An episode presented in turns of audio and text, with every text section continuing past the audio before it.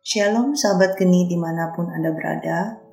Hari ini, hari Kamis 15 Oktober 2020. Berjumpa lagi dengan saya Yulianti Jaya Laksana dari Persekutuan Doa Santo Yosef Denpasar.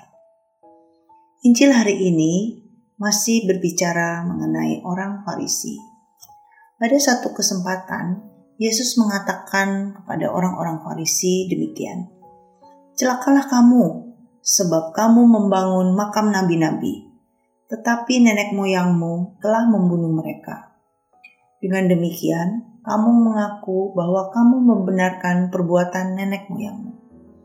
Sahabat geni yang terkasih, orang-orang Farisi itu mengagumi para nabi. Namun, pada saat yang sama, mereka tidak mau mengikuti ajaran para nabi. Padahal, kedudukan kaum Farisi sangat terhormat. Namun itu tidak sebanding dengan perbuatannya.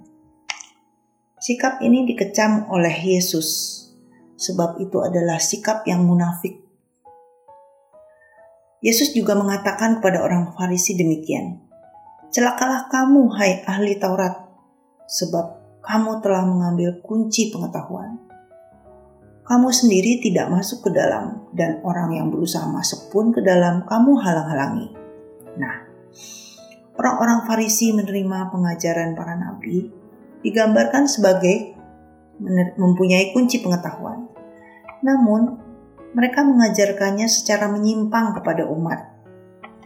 Begitu banyak aturan-aturan yang harus dilakukan umat, dan sangat menyulitkan itu membuat umat sulit memahami sabda Tuhan dengan benar. Yesus sebetulnya sudah melakukan yang terbaik untuk para ahli Taurat, yaitu menegurnya dan memberi petunjuk dengan ajaran-ajarannya. Namun, orang-orang Farisi itu bukannya memperbaiki diri, tapi malahan membangun permusuhan dengan Yesus dan bahkan berusaha mencelakakannya marilah sekarang kita merefleksikan ini ke dalam diri kita. Kita adalah orang-orang murid Yesus yang melakukan pewartaan kabar baik. Mewartakan kabar baik tentang firman Tuhan, artinya kita semua adalah misionarisnya Tuhan. Nah, sekarang apa yang kita wartakan, apakah sesuai dengan perbuatan kita dalam kehidupan sehari-hari.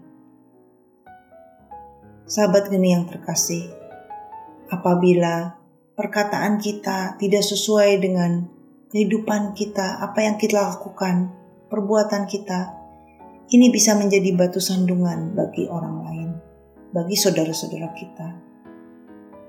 Seperti juga disebutkan, jika kita memegang kunci, tetapi orang lain tidak dapat masuk karena apa? Karena terhalang oleh sikap kita. Yesus sebenarnya sudah memberikan jalan yang terbaik dengan menegur. Seperti menegur orang Farisi tadi. Teguran Yesus sebetulnya adalah teguran kasih.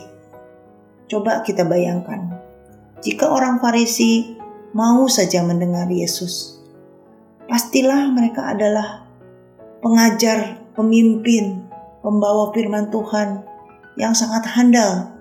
Mereka punya pengetahuan yang luas. Tetapi sayangnya, itu tidak mereka lakukan. Artinya, karya keselamatan Tuhan terhalang oleh mereka. Nah, demikian pula kita.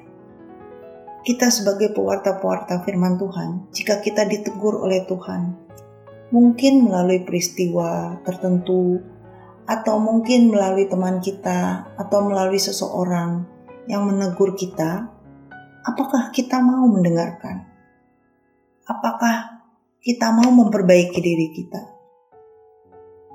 Apakah kita mau mewartakan firman Tuhan dengan benar? Tentu saja itu yang dikehendaki Tuhan.